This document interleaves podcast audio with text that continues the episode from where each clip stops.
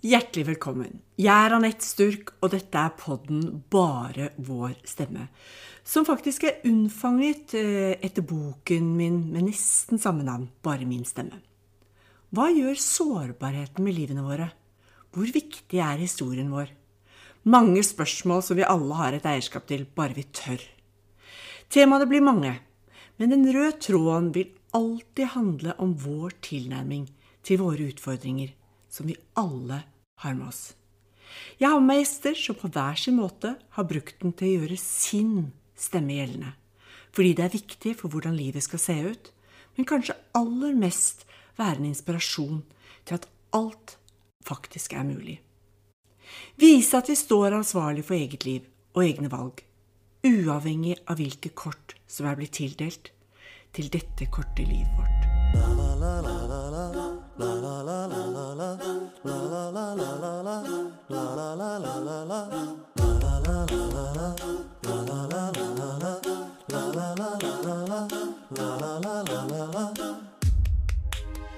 var så utrolig rørende.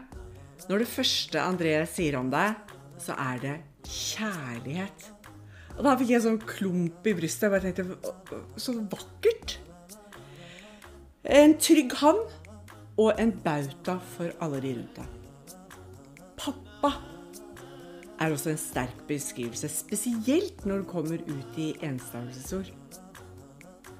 Du er ambisiøs og vil oppnå store ting. Og gjerne sette, sette et giga fotavtrykk etter deg. Solid, sterk og litt PR-kåt er også veldig fine betegnelser. Hvis du eh, Nei, hva du klarer å få til, stjernesmurfen, som dine nærmeste kaller deg, er helt imponerende. Går på skole, står i brudd, alene med to barn, hjelper barnevær, har beredskapshjem, skaper og kreerer. Og alle er i tillegg velkomne. Det er ganske utrolig. Men du har ikke lappen.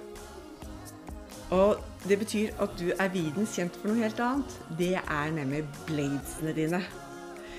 Eh, René André mente at du hadde noe sånt som 1000 km i fjor på blades.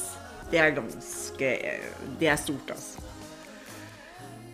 Så har du en liten nerd i deg som absolutt alle andre. Du må låse, og du må låse flere ganger. Fordi at du er superdistré. Og så det, har du antibac, nå spesielt i disse tider, på hvert eneste hjørne. Så jeg burde sannsynligvis ha gitt deg noe her. Og i henhold til deg selv og alle de rundt deg, så er du feil, født på feil årstall. Du burde vært født på 70, det glade 70-tallet. Både når det gjelder klesstil og hele vibben, viben på den tiden, er mer deg enn nåtid. Du elsker å kle deg opp uten tilfeldigheter og har din helt særegne, originale stil. Du digger å skille deg ut. Eh, Så er jeg litt nysgjerrig her, for vigger er også en side som du kanskje må utbrodere en smule, eller ikke. Du har ti tommeltotter, som kanskje ikke er så veldig forenlig når du skal pakke ut disse Ikea-kommodene til dine barn. Da må du faktisk ringe noen. Sær og med masse humor. Midt oppi alt dette her så har døgnet bare 24 timer hos deg også, men du krever alenetid. Det er noe av det viktigste du gjør. Og da har vi kommet frem til temaet ditt. Frykt. Hjertelig, hjertelig velkommen, Kristian André. Jeg gleder meg til å høre hva du skal snakke om når det gjelder akkurat det temaet. Ja, eh, takk. Eh, det var en veldig fin eh, velkomst. Og veldig fine ord som ble sagt. Det, tar litt tid for å kanskje ta, inn seg alt. Men du har i hvert fall snakket med riktig person, for du fikk veldig mye på plass. Ehm, og eh, Nei, jeg syns at det var en veldig, veldig fin og, og, og, og passende, passende beskrivelse, da. Eh, og det stemmer at jeg har lyst til å snakke om frykt. Eh, for jeg føler at eh, faktisk frykt er noe som har preget livet mitt eh, i veldig, veldig mange ganger. Det, er det har vært en ting som har kanskje vært tilbakevendende. Eh, og som jeg har taklet forskjellig. Eh, altså de gangene det har oppstått, når man egentlig da blir klar over at man kanskje er nødt til å finne ut noe istedenfor å skyve det foran seg eller forsøke å skyve det vekk. Eh, og jeg merker jo også at særlig det med, med utenforskap og, og kanskje grunner til at folk faller fra eh, i forskjellige sammenhenger, er rett og slett at er, man har drevet av frykt. Eh, kanskje for seg selv eller for andre ting. For, kanskje frykt for å ikke bli godtatt av eh, omgivelsene. Når opplevde du, eller når kunne du sette fingeren første gang på din egen frykt? At dette nå er jeg redd for noe, eller for å gjøre noe, kanskje? Uh, nei, altså jeg tror vel egentlig det begynner sånn Det begynner vel kanskje egentlig litt i, i, i barndommen. At man eh, kanskje er litt nervøs for å skille seg ut. Eh, man går helst med mengden. Man går helst kanskje faktisk med samme klær. Samme sko. Hvis man ikke har det, så er man på en måte litt annerledes. Så jeg følte jo også på det i eh, Jeg tror jeg følte på det når jeg, når jeg gikk på barneskolen, og sånn, at det var veldig viktig å være det på en måte i, Å være selvfølgelig da også da populær, men eh, at man man ikke gjør så mye for å skille seg ut, da. Men når var det du begynte å på en måte hva skal man si, face frykten? Når var det du begynte å se den i hvitøyet? Når var det du turte å forandre fortegn på det? Jeg tror at jeg, jeg tror, Eller sånn som, sånn som, jeg husker det, så var det vel egentlig at jeg følte meg egentlig ganske annerledes når jeg var, når jeg var mindre. Jeg var Eh, jeg vokste jo opp egentlig opp uten far. Eh, til stede, da.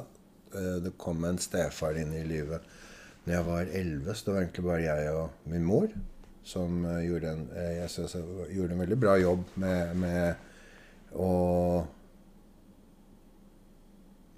ja, så lære meg grunnleggende verdier. Da, og, men, men jeg, hadde, jeg hadde ikke den det hel, helhetsperspektivet. Jeg hadde jo bare én forelder på en måte, fram til jeg var 11. Så jeg tror også det hadde kanskje noe med at uh, jeg følte meg litt utenfor. Litt annerledes enn de andre. Og da kom det, som du nevnte i stad, da kom det med, med alenetid inn. Og at jeg, jeg, søkte ofte inn i meg selv. Uh, og uh, begynte å gjøre ting som kanskje andre barn ikke gjorde så mye. Jeg begynte å lese veldig mye. Jeg leste ut uh, mammas krimbokhylle når jeg var ni. Så tror jeg jeg hadde lest alle bøkene der. Uh, og det var egentlig faktisk sånn at jeg, det var litt sånn at jeg begynte å være borte fra skolen for å kunne lese. Uh, og da merka jeg vel egentlig at jeg, jeg, følte meg litt annerledes enn de andre barna. Var det din flukt på en måte inn i en annen fantasiverden som du fikk et eget ja, rom? Ja, jeg tror jeg fikk et eget rom, og det var vel egentlig eh, At jeg, jeg, jeg, gikk mine egne sånne veier. Eh, og eh, merket vel kanskje litt senere at det var en viss Jeg syns at det var en litt avstand til meg og andre. Altså, jeg hadde noen gode, gode venner i nabolaget og sånn, men sånn som klassemessig og sånn, så, så, holdt jeg på en måte litt sånn behagelig avstand til, eh, til resten av, av, de barna jeg gikk på skole med. da. Hvordan var det å være på skolen sånn ellers? Det, altså, det var greit, men eh, jeg, jeg, altså, jeg, følte ikke at jeg fikk noe særlig ut av det før jeg, fakt, eh, før jeg begynte på Jeg tror det kanskje var ungdomsskolen. Og da flyttet jeg og min mor, for bodde, vokste, jeg vokste opp sammen med besteforeldre. Eller foreldrene hennes, da. Eh, da flyttet vi eh, fra Majorstua til Adamstuen. Så da begynte, flytta jeg fra Majorstua til Marienlyst skole. Og da på en måte følte jeg at jeg da begynte på en måte liksom skolegang. Altså, det gjør jo kanskje når man begynner på ungdomsskolen òg. Eh, men da fikk jeg også et litt sånn annet perspektiv på, på, på hva det vil si også, å ha venner. Og da fikk jeg noen sånn, som jeg følte var ganske gode venner. Eh, som godtok meg for hvem jeg var. da. Jeg var jo sikkert, som du sa, jeg var litt sånn nølete som likte å lese. Men så eh, åpnet jeg vel egentlig øynene for sånn f.eks. sånn fysisk trening og vekttrening. og sånn, Så jeg begynte å trene på helsestudiet da jeg var 13 år, tror jeg. 14. Da var det lov. Da måtte ikke, man måtte ikke være 16 eller 17 da. Da, da var det, eh, samfunnet var helt annerledes. Fulgte frykten deg inn på ungdomsskole, eller var du da liksom ferdig med det? Da var jeg på en måte litt ferdig med det, tror jeg. Um, for da hadde jeg Jeg, jeg hadde vel Jeg husker at jeg var Så jeg, jeg syns ikke det var noe særlig å være på skolen på, før Faktisk før jeg sluttet uh, på, på, den første, på, bar, på grunnskolen, på barneskolen. Men jeg var jo der, selvfølgelig. Og jeg, jeg var jo veldig opptatt av lesing og sånn, så jeg kunne en del om fag og litt sånn, men jeg, jeg gadd ikke å engasjere meg så mye. Før eh, jeg da kom på den andre skolen, og da, da var det noe helt annet.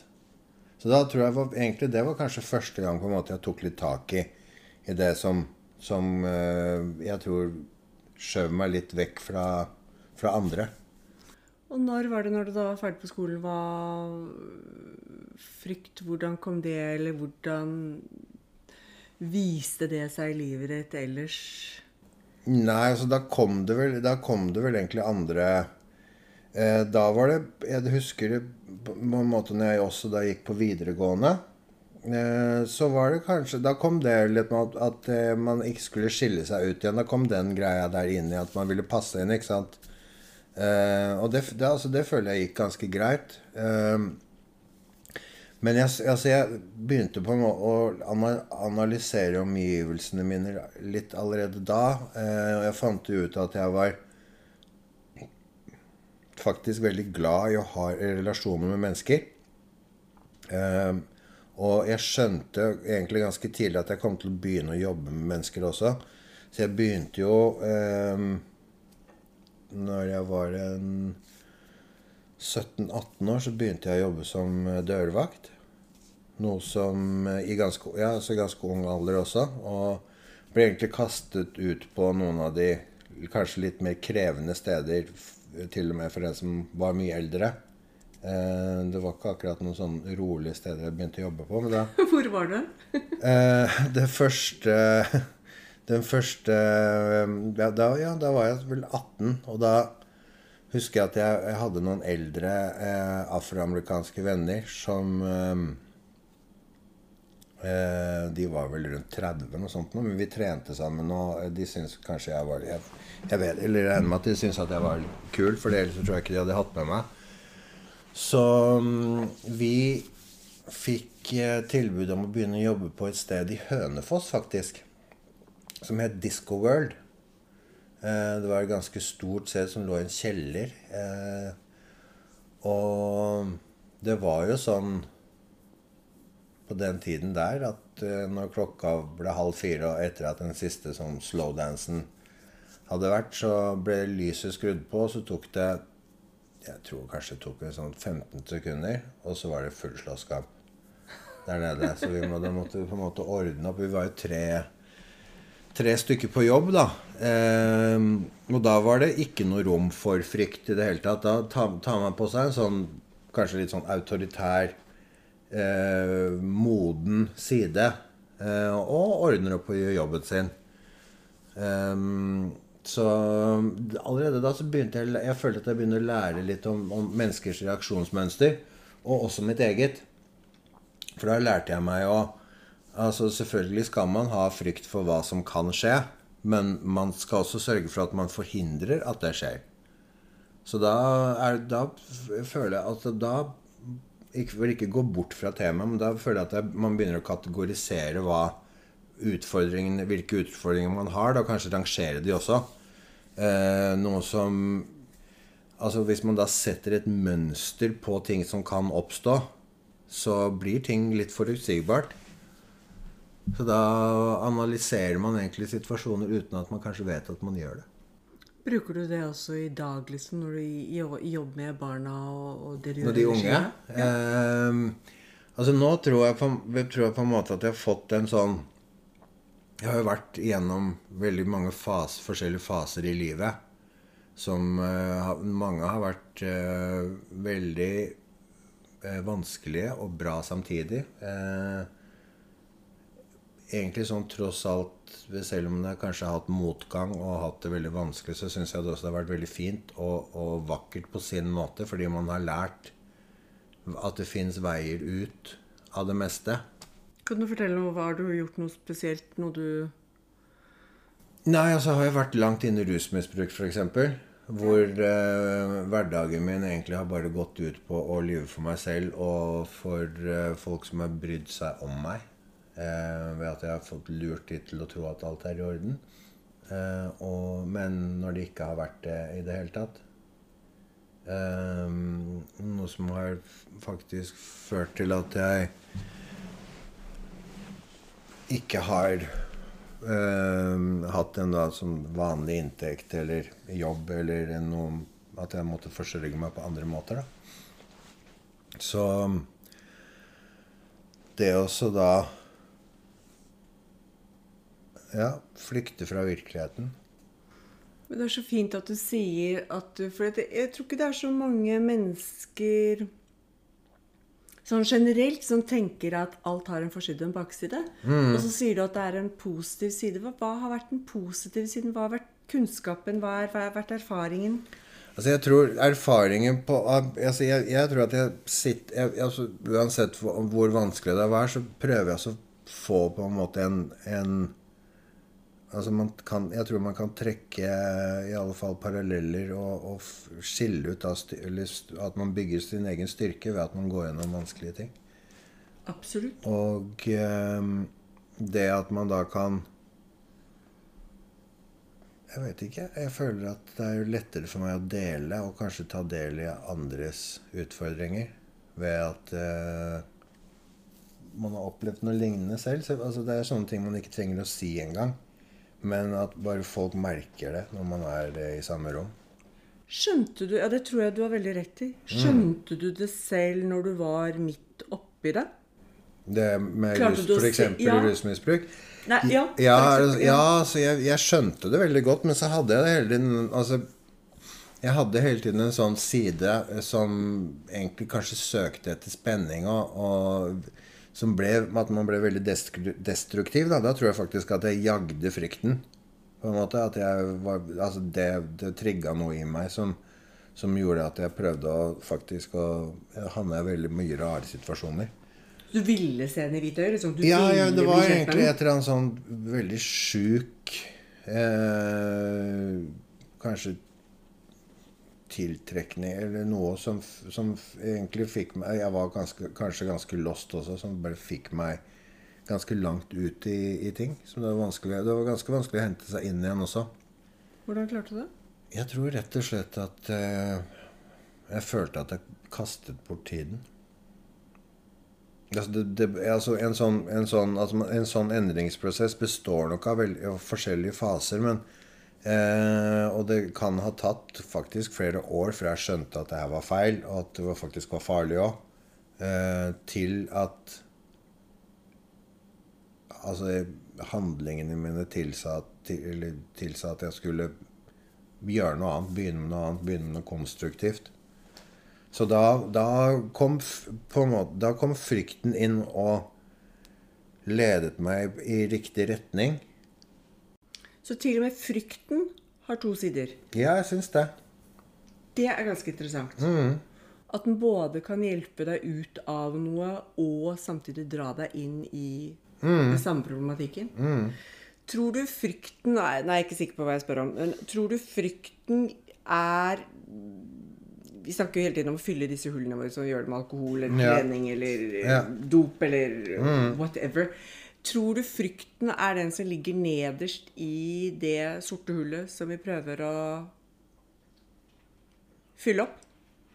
Ja, faktisk mye. My, ganske mye. Eh, det, det, er noe som Sånn som altså, Man kan si at noen, noen trigger det kanskje f.eks. ved at man eh, beruser seg eller drikker alkohol. At den, da ting kom, blir veldig mye sterkere At det blir forsterket, ikke sant?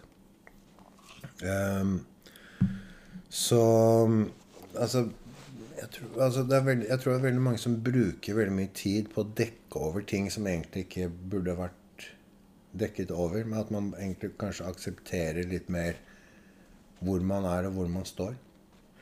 Jeg må bare spørre, for dette jeg syns det er så interessant selv. Hvordan tror du verden hadde sett ut hvis vi hadde rett og slett vært dønn ærlige med hverandre og bare sagt ting som det var? Ikke hatt frykt på hvordan du ville oppfatte meg på noen som helst måte? Altså, det hadde vel inn, Jeg tror det hadde innebæret veldig store endringer for veldig mange mennesker. At man er jo helt vant til å pakke inn veldig mye av det man gjør. ikke sant? Eh, og også da Ja, altså man, man, Jeg tror man gjør veldig mye for at man da ikke er fornøyd med seg selv også. Ikke sant? Så man må ha de der ekstra lagene. Eh, for man er ikke helt klar for å kanskje ta av seg det. altså Nesten som, blir nesten som å ta av seg som plagg. Så man, til slutt så står man der uten noen ting. ikke sant? Beskyttelse. Ja, beskyttelse. Mm. Så du, du, klarte jeg, Ja. Uh, jeg skulle gjerne sett, tatt en titt inn i den verden, kjenner jeg. Mm. Uh, du, så klarte du å komme deg gjennom og ut, og frykt er da en del av motoren. Ja. Uh, hva begynner du på da, eller hva begynner du å gjøre da når du ser at dette er for destruktivt?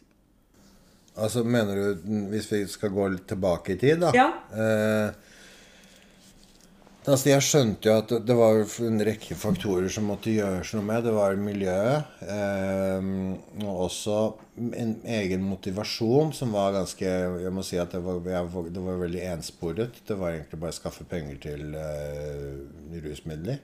Eh, og ikke, altså da ikke motta noe post, ikke ha noen forpliktelser, ikke betale regninger. Hvordan klarte du å motivere deg selv til å gå ut av noe sånt? Nå? Nei, altså jeg måtte jo det egentlig. For jeg fikk jo øh, altså Da skulle jeg få første barnet. Eh, da begynte det å ringe litt sånn bjeller i eh, For jeg tenkte jo at jeg hadde vokst opp uten eh, en forelder selv. Så um, jeg syns vel at, det, at jeg skulle gjøre mitt beste for å For at det ikke skulle skje med, med datteren min. da. Mm. Og det var noe som jeg tror egentlig at resten av systemet, resten av tankene, resten av altså, kraften med alle mennesker har inni seg, at det var det som skulle til for å mobilisere den. Og da ble ting litt lettere. Så det er som André sier Og enklere. Mm. Mm. Så det er som André sier, så sier han liksom 'pappa' med stor P. Mm. Betyr det da at du er 100 ganger mer til stede enn hos andre foreldre. Og på ballen til enhver tid. Nei, så jeg tror kanskje ikke det, men uh, altså, jeg, Men uh, altså, jeg har jo Jeg har jo fått veldig mye, mye motivasjon, da, og har kanskje litt, litt på en måte liksom innebygd eh, tillitsgreie med ungdommer og, og, litt sånn. Det ved at eh, ved at, at, vi får en veldig god relasjon. Eh, det skal ikke så veldig mye til, og da da blir eh, Altså, jeg har Jeg føler at egentlig at jeg har alltid tid også. Så det har blitt sånn veldig Der hvor jeg bodde tidligere, da, på Løren, at uh, døra egentlig bare sto åpen nesten hele døgnet. Og da kom det uh, ja, altså ungdommer og vennene deres innom og, og, litt sånn.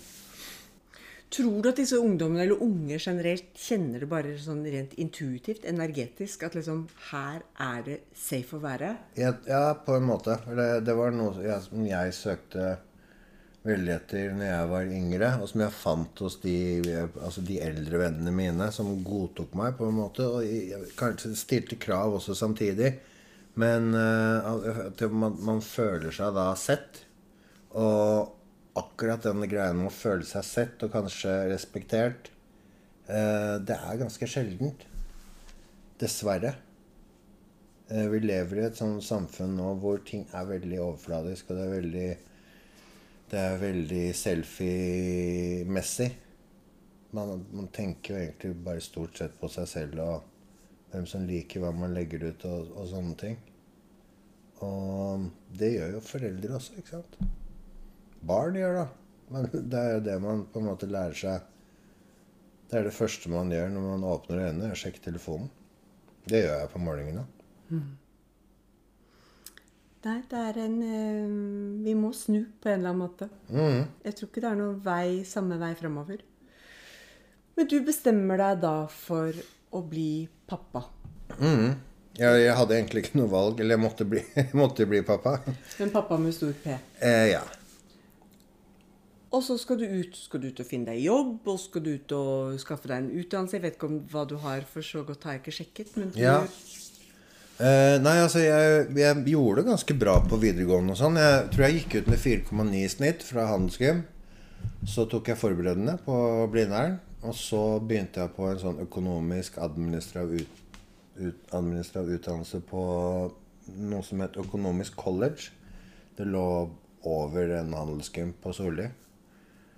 Um, men um, så gikk jeg egentlig litt i, i den uh, Jeg begynte å jobbe i utelivet, og så førte det til at jeg egentlig begynte å jobbe som modell. Og begynte å reise rundt omkring i verden og jobbe. Uh, og så kom det en litt sånn skuespillergreie rundt i sånn 1996, hvor uh, jeg egentlig følte at det var den greia jeg egentlig skulle holdt på med. At jeg mente at jeg overbeviste meg selv om at jeg var Det var meningen at jeg skulle stå på en scene. Og det gjorde jeg veldig bra.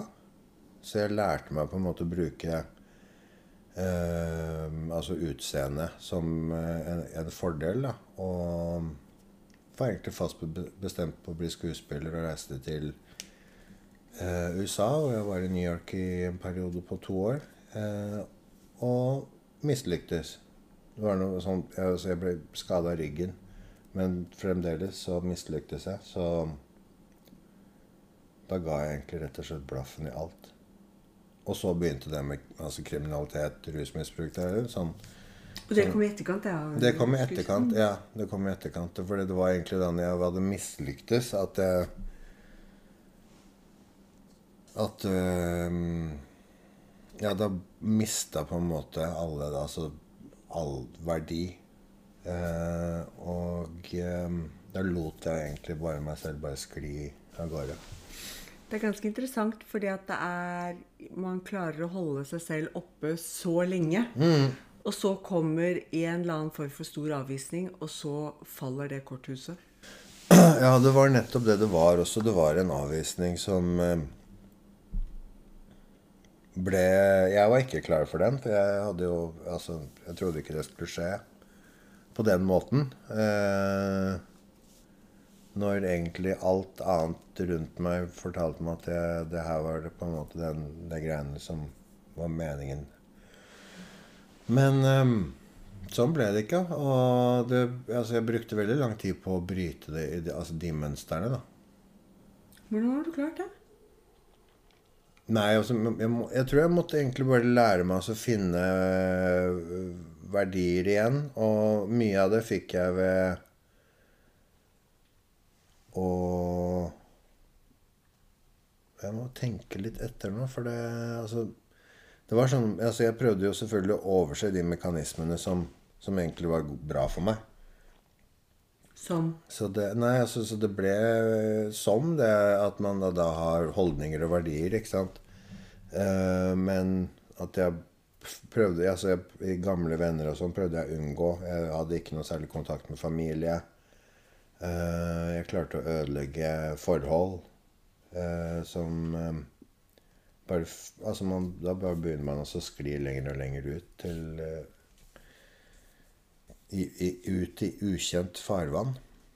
Men kanskje det var det altså Litt sånn som tilbake til det du sa at, uh, med det positive. At det kanskje var det som måtte til for at du skulle finne all den informasjonen du nå bruker så aktivt i alt det du har ja det, ja, det tror jeg. Eh, det er nesten Nå holdt jeg på akkurat å si 'bare min stemme'. Altså, ja. Jeg måtte finne tilbake min sted, så jeg har begynt å tenke på det her allerede med boka di. Så Ja, nei, men altså, altså det, Jeg tror veldig mye av livet da, det handler om å Altså man, man, måte, man er veldig opptatt med å stake seg gjennom. på en måte, Man glemmer å se rundt seg. Man er på sin egen vei, og man er veldig opptatt med det. Og, men så plutselig så får man et sånn øyeblikk så bare åh, det her, det her er jo bra. Og at man, man, at man føler omgivelsene sine. Og det begynte jeg å gjøre. Eh, og da var det egentlig ganske lett å snu. Så merket jeg også at eh, jeg merket at underveis hele veien så var det for, for altså jeg, jeg, ble egentlig litt Jeg ble, begynte egentlig nesten å lure litt på jeg merka at, at, folk på en måte kom til meg for å få råd og støtte og, og litt sånn. Så, så det var det egentlig å kanskje snu det til at eh, det, Istedenfor at jeg syntes at det var rart, at det var kanskje en mening med det. Føler, jeg må spørre. Føler du sterkt? Ja, det gjør jeg både òg. Noen ganger velger jeg egentlig å skru den litt av, men, men eh, det er eh, Altså, det er, er altså, Noen ganger så har man veldig sterke forbindelser man, eh, til både steder og, og, folk.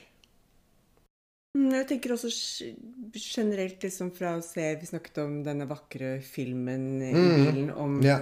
blekkspruten. Ja. Er det sånn som berører deg? Ja, det gjør det. Er det sterkt? Gjør ja. det. det er, jeg blir... Mennesker, steder. Ja, det er det. Eh, hvorfor Jeg ser bare at ofte så er det liksom sterke Sterke mennesker, mm. sensitive mm. mennesker, som ofte får store trøkker. Mm. Så vi bare ser Prøver å alltid liksom finne noen sånne ja, det er knagger eller ja. ja, så det er jeg enig i det. Det er eh, Men altså, det, altså, sånn som det er på en måte Sånn som den Sånn som den verden er Det, altså, det er jo altså, man, Det er jo en risikosport å leve. På alle mulige måter. Eh, og altså Bare se på f.eks. arbeidsmarkedet nå. Eh, boligmarkedet utdanning altså, Man må bare altså, Er man ikke der, så kommer man bakerst i køen. Hva tror du, hvis du skulle velge deg én sånn personlighetsdel eller arketype, eller kall det hva du vil, mm. som kommer til å være fremtidens valuta, ja. hva tror du det vil være, Kristian? Altså, sånn helt umiddelbart så føler jeg at det må være empati. At man har evnen til å sette seg inn i situasjoner og så, og så føle med eh, andres perspektiv, da, andres versjoner. Man vet at det fins flere måter å se på en situasjon på. Da vil jeg kanskje si at uh, uten å glorifisere det du har vært igjennom, så vil mm. jeg jo si at uh, da besitter du i hvert fall en verktøykasse som er ganske stor. Ja, man, altså man gjør jo det automatisk. Mm. Uh, man, man ser jo også at Jeg tenker jo på Altså Det er en sånn mann som jeg har sett rundt i, i Oslo i eh, sikkert 15-20 år, som altså, Det virker som han bor på gata. Og jeg sitter ofte også med en sånn stein, så slår mynter inn i sprekker. Um, og husker deg tilsynelatende når du, når du altså Hvis du stopper og, og snakker. Så altså, jeg mener at en, en, sånn person som holder ut altså, altså Den menneskelige psyken, da, den er, jeg tror den er veldig mye sterkere enn det man er klar over. For altså, når man klarer å bo ute i så mange år, og egentlig man sitter bare der, øh, og hver gang du går forbi, så vil han gjerne ha noen mynter som man kan slå inn i bakken så er det Altså, det er jo Jeg tror det er mekanismer som, som, gjør, altså, som man gjør at man klarer å over, overvinne veldig mye. Mm. Det må det jo være på en eller annen måte når man har gått gjennom konsentrasjonsleirer og tortur mm. og fengsel over tiår. Ja. Altså, det, er, det er så brutalt. Mm. Um, jeg må Hvis du skal i fremtiden mm Det er ingen som vet hva fremtiden bringer. Men hvis du skal tenke på, er det noe som stopper deg der du er nå? Er det noe som stopper deg? Er det noe frykt som stopper deg? Og tenker at nei, åh, det har jeg ikke så lyst Orker jeg det? Vil jeg utsette meg for det? Altså, så nå har jeg begynt å skrive bøker, ja, også som forfatter òg, så Så jeg var vel kanskje litt med eh, altså, altså, det var jo sånn Første boka mi gikk veld, veldig bra. Andre boka, der eh, føler jeg at det stoppet litt opp. Og så kom tredje boka, som gikk bra igjen. Så på et punkt, tidspunkt så var jeg på en måte at jeg frykta at eh, kanskje jeg ikke skulle selge noen ting. Eller at ingen skulle, hadde lyst til å lese bøkene mine. Så det er jo alltid en sånn greie som Men jeg, jeg føler at akkurat den greia der er bra, fordi da blir jeg egentlig motivert til å skrive en, legge mer, enda mer tid i det, skrive enda bedre. Uh, gjøre enda mer research, kanskje bruke lengre tid. Uh, jeg tror jeg, jeg, føler at jeg bruker veldig mange timer av døgnet på nettopp det. Og nå som jeg startet et eget forlag, så jobber man med andres tekster òg. Og da har man på en måte et ansvar for at det skal være så bra som overhodet mulig. Så nå i løpet av de siste ukene så har vi sendt av gårde tre manus til trykkeriet. Eller 82 enn Det siste ble sendt i morgen. Fantastisk. Så det er en sånn Altså da selvfølgelig Da bruker man den frykten på at det her er kanskje ikke bra nok. Men da sørger man for at det blir bra nok. Mm. Og vi gir oss ikke før det er bra nok. Så da, da kommer den der frykten som en sånn altså litt ekstra dytt. Men da er det den kunnskapen eller innsikten for å gjenkjenne at frykten kan brukes til noe positivt. For som oftest Ja, man må jo vite det, at det fins to sider. Hvis ikke man vet det, så sliter man. Ikke sant? For som oftest ja. så sier man 'nei, jeg kan ikke gjøre det', for mm. da sier naboen ja. Eller nei, jeg kan ja. ikke gjøre det fordi at da driter jeg mm. meg ut. Mm. Og sånn går jo den lille faren på skulderen. Mm. Ja, men altså, det har jo med Det har jo med at eh, altså, Jeg tror jeg har kommet til sånn, sånn, som du sa i begynnelsen, at jeg har min egen sånn klesstil. Jeg kler meg sånn som jeg vil. Jeg, eh, fordi altså, jeg føler at jeg, jeg, er ikke noe redd for å drite meg ut eller å, ha, eller å gå med noe som ingen andre gjør. Derfor tror kanskje, jeg tror kanskje at Sånn rent motemessig så tror jeg kanskje at jeg lever på 70-tallet fortsatt.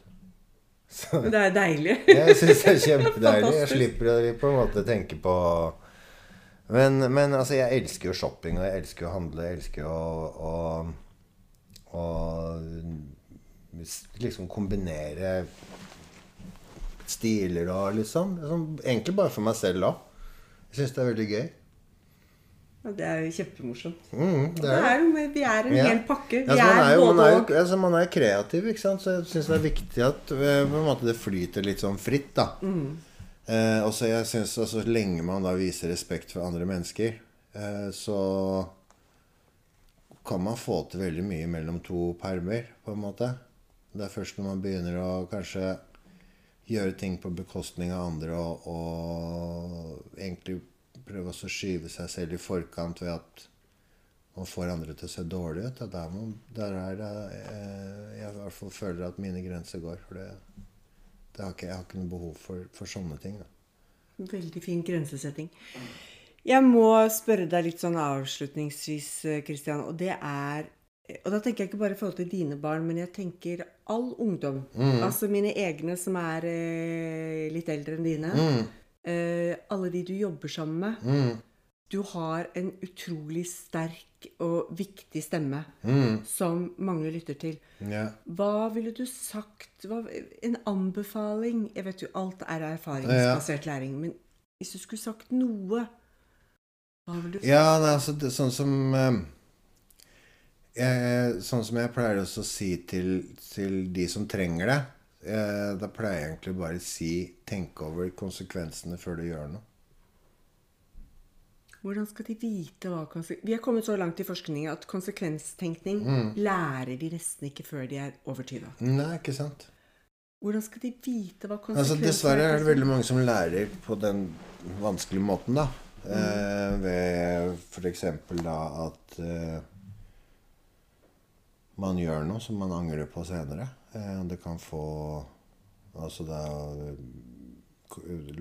lovmessige konsekvenser i form av straff eller, eller noe sånt. Men altså bare det at man, man tenker eh, det er, nesten så, altså det er nesten så enkelt som tyngdeloven. Altså, hvis du kaster noe, så faller det i bakken. Eh, og hvis du kaster noe mot en glassrute, så vil jo den knuse. Så det blir jo så det er veldig, altså Hvis man bare tar i bruk logikk, så tror jeg at man kommer veldig langt med det. Så jeg pleier ofte også Når vi har f.eks. kanskje det sånne samtaler eller, eller uh, diskusjoner, da, uh, så er det veldig bra å sette ting i kontekst med andre. Uh, og da kan man også Det er også veldig bra å kanskje bruke bruke eksempler fra filmer, f.eks. Eller hva var som skjedde da? Hva tror du skjer da hvis det skjer? Smart. Mm. Hvis du skulle si noe om dette med frykt til de som følger etter oss, eller som er ja, Mm. Ja. neste generasjon? ja. Uh, jeg ville bare si at, uh, at ikke vær Altså, det å være selvstendig, det er ikke, det er ikke noe farlig. Altså, det er ikke Det vil ikke avgjøre om du har venner uh, om et par måneder eller fremover i tid. Men det er veldig viktig også å fremstå som et eget individ. Da. Med egne meninger og, tanker. Man trenger ikke alltid være enig med, med andre som eh, Selv om at man, altså, at det er flere som mener det samme, så behøver det nødvendigvis ikke bety at det er riktig. At din stemme faktisk er Mm. ganske viktig. Ja, Nå kommer vi tilbake til den stemmen. Din, ikke sant? Det var sånn, jeg, jeg visste jeg hadde hørt den før. ja, det er en fin greie, det der. Men det der å være så det er rett og slett det der å være troverdig, ha en stemme som er troverdig Ja. og autentisk, Ja. og som er Hvis ikke så faller vi vel alle inn i samme form eller spor eller Ja, jeg tror det. Jeg tror, tror nettopp det er det som er litt sånn farlig med Eller altså, det, det, er, det er en eh, Det kan bli en belastning, da. At man ikke, egentlig ikke tenker selv. Og så vel som at Vi har jo snakka om det å være forelder. Det kan bli en belastning hvis man ikke sørger for å være fokusert. Så for eksempel sånn kan du, kan du nevne tre av de vennene, eller fem av de vennene barnet ditt omgås med. Det er mange som stopper ved kanskje to. Eller det er mange som tror kanskje at det er to stykker som barnet var sammen med for tre år siden. Og så er det noen som blir lurt til å tro at man er sammen med Men ikke sant? Det er eh, Det er det også bare bare skrape litt under overflaten. Og det, altså, jeg, tror det vil, jeg tror det også sender et signal om at man er til stede. Da. Og det er veldig viktig å være til stede, ikke bare for seg selv, men også for barn, barn eller venner. Nydelig, Christian. Fantastisk. Tusen takk for en veldig veldig fin reise. Takk for at du fikk komme. Verdifull innsikt. Takk, takk. Tusen takk til deg, kjære lytter, som er med på denne reisen. Temaene er mange, og alltid fylt skal være med inspirasjon og masse innsikt. Tanken er at det skal være ekte samtaler med temaer som berører og setter fokus på historiene våre. Jeg kan nesten ikke vente til neste gjest, og ikke minst høre den filterløse fortellingen og deres narrativ. Så følg med om 14 dager. Og hvis du ønsker mer info og inspirasjon, så går du inn på Instagram-kontoen med samme navn, bare vår stemme. Så ses vi veldig, veldig snart. Tusen takk.